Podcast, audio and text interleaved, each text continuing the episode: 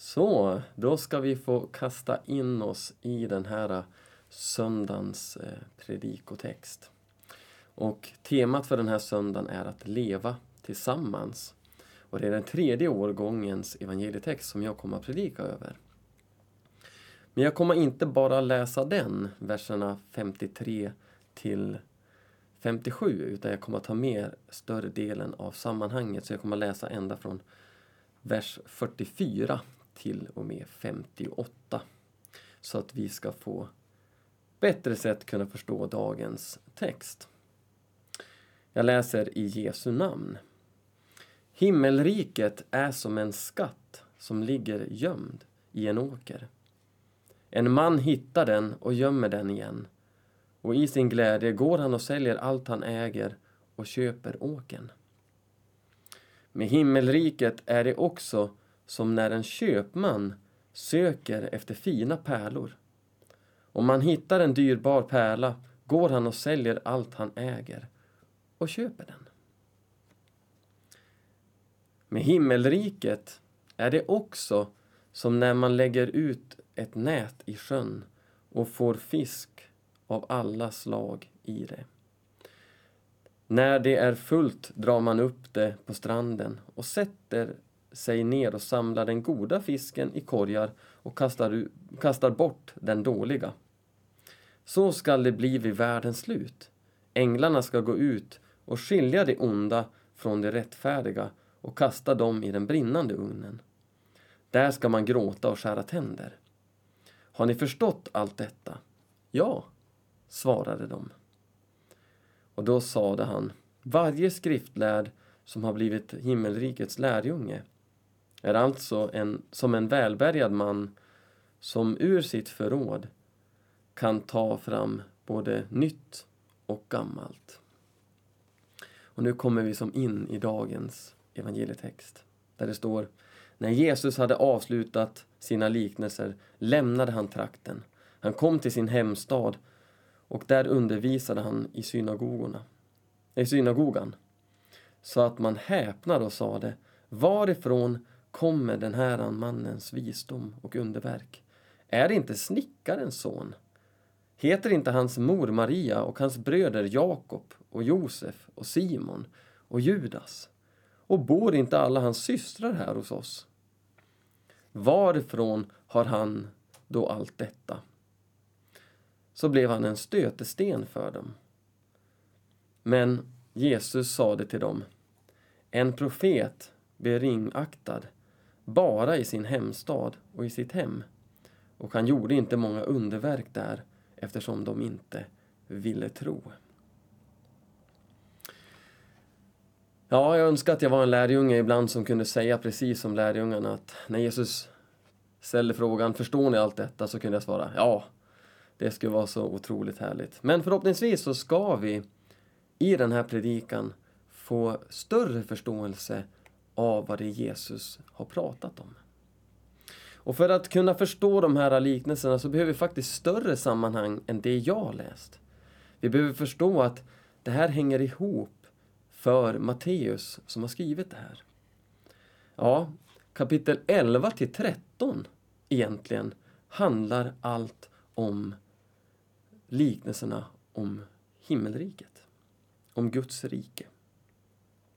Och kapitel 11 till 13, och vi avslutar liksom med kapitel 13s sista vers, så är det frågan om ett gensvar till Jesus. Det finns eh, olika kommentarer till de här liknelserna utifrån olika frågeställningar. Några är positiva och säger att han är Messias. Jesus är Messias. Det är många människor som börjar gå i de tankarna och utbrister även det. Andra, till exempel som Johannes döparen, är lite mer neutrala och ställer sig frågan, är han Messias? Man söker svaret och man undrar. Och sen har vi de negativa, som är fariseerna framför allt, som säger han är inte Messias. Och jag tror att Matteus på något sätt vill att vi ska börja tänka på de här olika frågorna. Kanske är det så att du tänker, jo men han är ju Messias. Och någon kanske tänker och söker, jag undrar, kan han vara det? Och sen så finns det ju människor bland oss som säger, nej, Jesus är inte Gud. Vi vill inte tro på honom. Och kapitel 11 börjar faktiskt med att Johannes döparen har en fråga till Jesus. Om han är den som skulle komma eller om han ska vänta sig någon annan. Och Jesus svar blir då till Johannes lärjungar. Johannes lärjungar har blivit kallade dit att gå och fråga. Och då säger han så här. Gå och berätta för Johannes vad ni hör och ser. Att blinda ser, att lama går, spetälska blir rena och döva hör. Döda står upp och fattiga får ett glädjebud. Det här är det svar som Jesus ger. Och det han refererar faktiskt direkt till olika ställen i Jesaja bok, profeten Jesaja.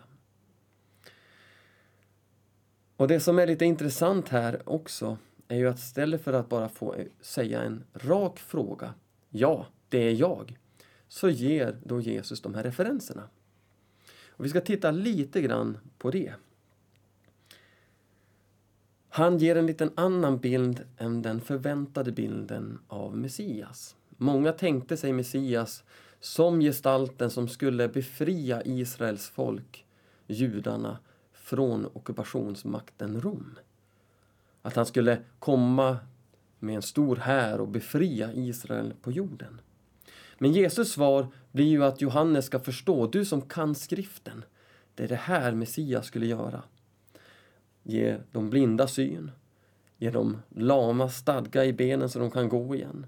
Att göra de spetälska rena, att de döva får höra och att de döda står upp och att de fattiga får ett glädjebud.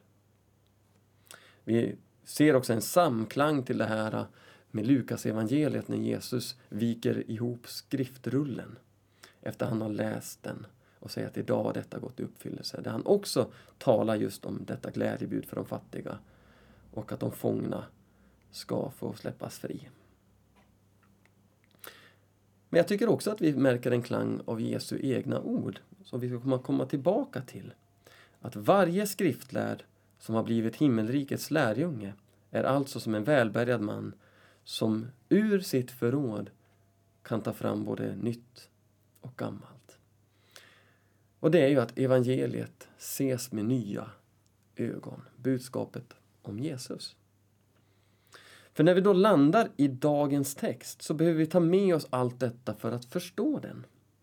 Och jag är övertygad om att dessa tre eh, liknelser finns för att vi ska förstå de här frågorna som avslutas med eh, som folket från Nasaret ställer Jesus. Är han inte Josefs son? Är inte hans mor Maria och hans bröder? Ni känner igen från texten. Men låt oss kasta oss in i de här liknelserna om himmelriket. Ja, det första man ska förstå är att när Jesus börjar här i vers 44 så pratar han nog bara till lärjungarna enskilt. Och han säger att himmelriket, alltså Guds kungavälde som finns överallt där hans vilja sker. Det är som en dyrbar skatt som har blivit gömd i en åker. En man finner den och gömmer den igen. Och i sin glädje, alltså över den här upptäckten, så går han och säljer allt han äger och köper den.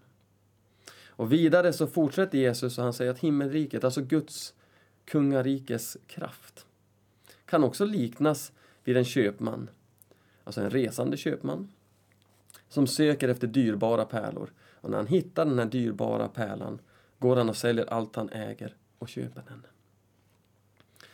Och vid en snabb anblick så kan det verka som att frälsningen skulle kunna liknas med den här skatten och pärlan. Och att det är människan som måste sälja allt och köpa den. Och tittar vi på alla dessa tre liknelser där Jesus också förklarar så verkar det vara mer troligt att det är Gud som är huvudpersonen, alltså den som agerar. Det är Gud som är mannen som sår den goda säden som vi läser om innan. Och det är också han som skördar vid tidens slut, vid tidsålderns slut. Det som vi läste i vers 49. Det är därför troligt att mannen som hittar skatten i åken är Gud själv och köpmannen som söker pärlorna är också Gud. Alltså inte du och jag. Skatten hittas i åken som tidigare var en bild på världen. Och Gud är den som söker efter människors hjärtan och priset betalas med Jesu liv på korset. Och i Gamla testamentet så omnämns, omnämns faktiskt Israel ofta som Guds speciella skatt. Det här kan man läsa om i Andra Mosebok eh, kapitel 19. Om skatten är en bild på Israel kan pärlan vara en bild på församlingen, den troendes gemenskap på Jesus. I havet så skapas ju pärlor av att ett sandkorn har råkat komma in i en mussla. Det lilla sandkornet irriterar musslan så att den kapslar in det lager på lager på lager så att pärlan växer. En fin bild på hur Jesus, som var en stötesten, blir alltså grundstenen vilket församlingen byggs på. Pärlor omnämns inte i Gamla testamentet men det var inte något som var obekant för lärjungarna. Det var någonting de kände igen.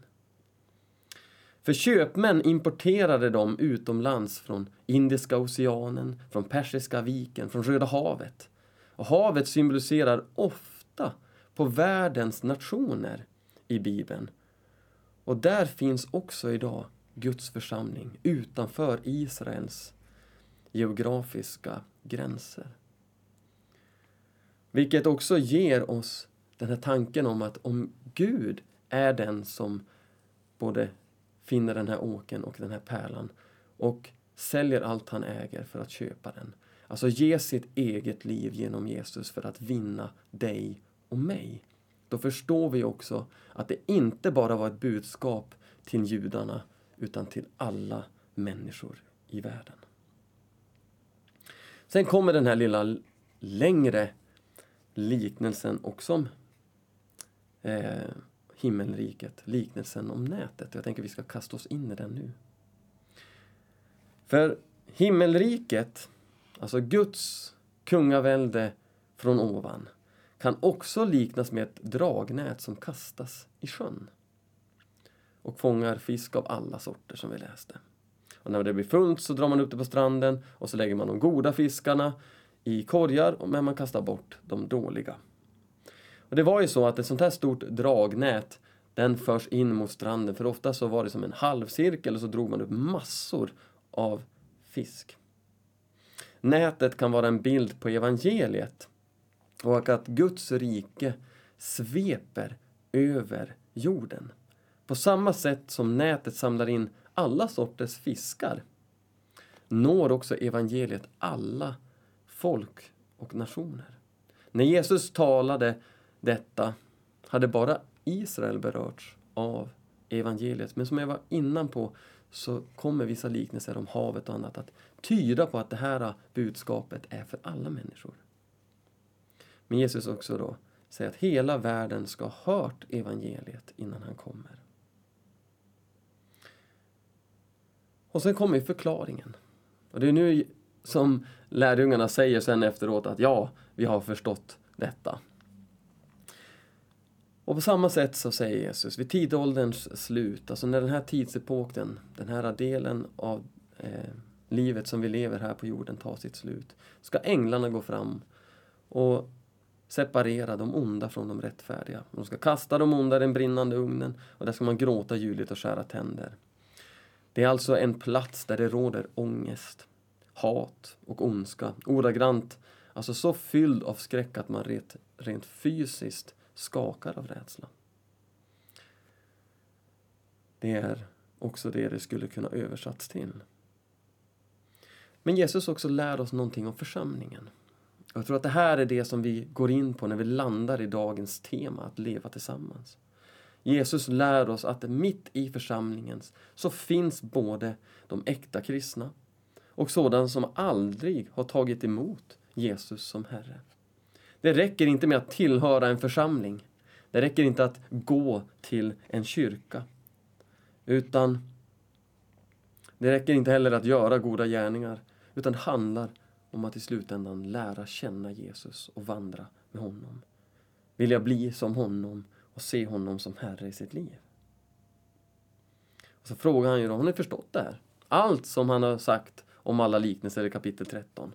Och de svarar, ja, Herre. Och kanske förstår vi lite mer om de här liknelserna nu. Kanske har du tänkt dig många gånger att du är den som ska sälja allt du äger. Men det visst gör det viss skillnad om det är Gud som det handlar om och att det är han som har handlat för dig och att du får ta emot denna skatt som han har återvunnit, som han har vunnit.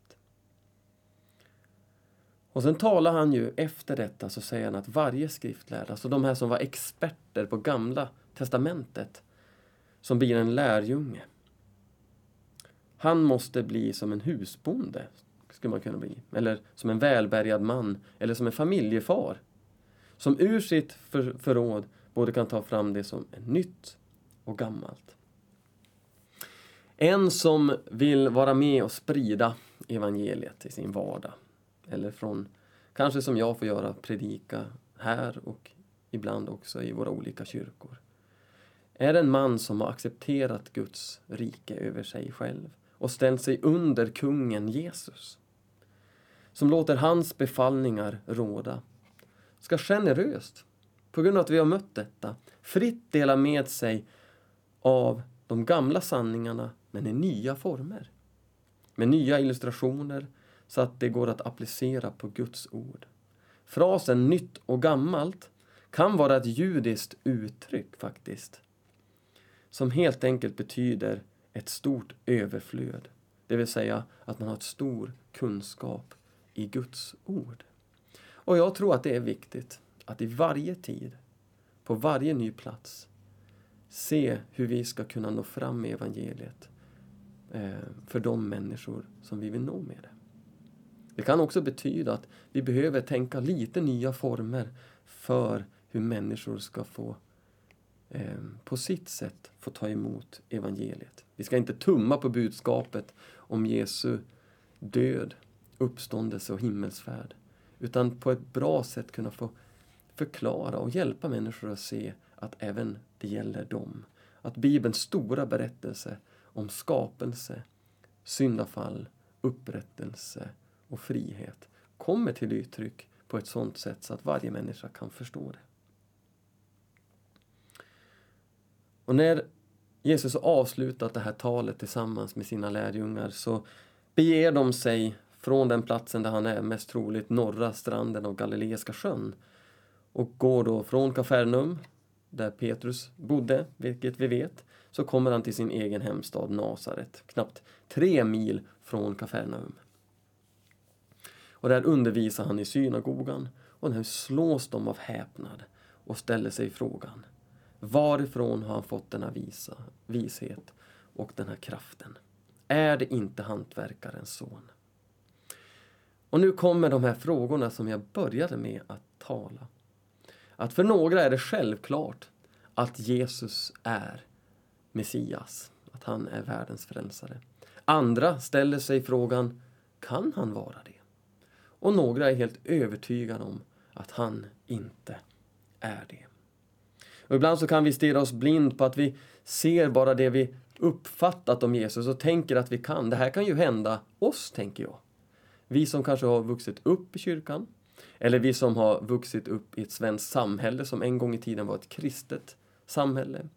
Kanske är det så att det är vi tänker att vi kan det här, vad som innebär att ha en kristen tro på grund av religionsundervisningen i skolan.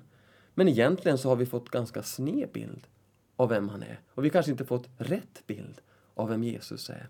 Men vi kommer med våra förutfattade meningar och läser in dem i personen Jesus istället för att ge honom en ny och ärlig chans.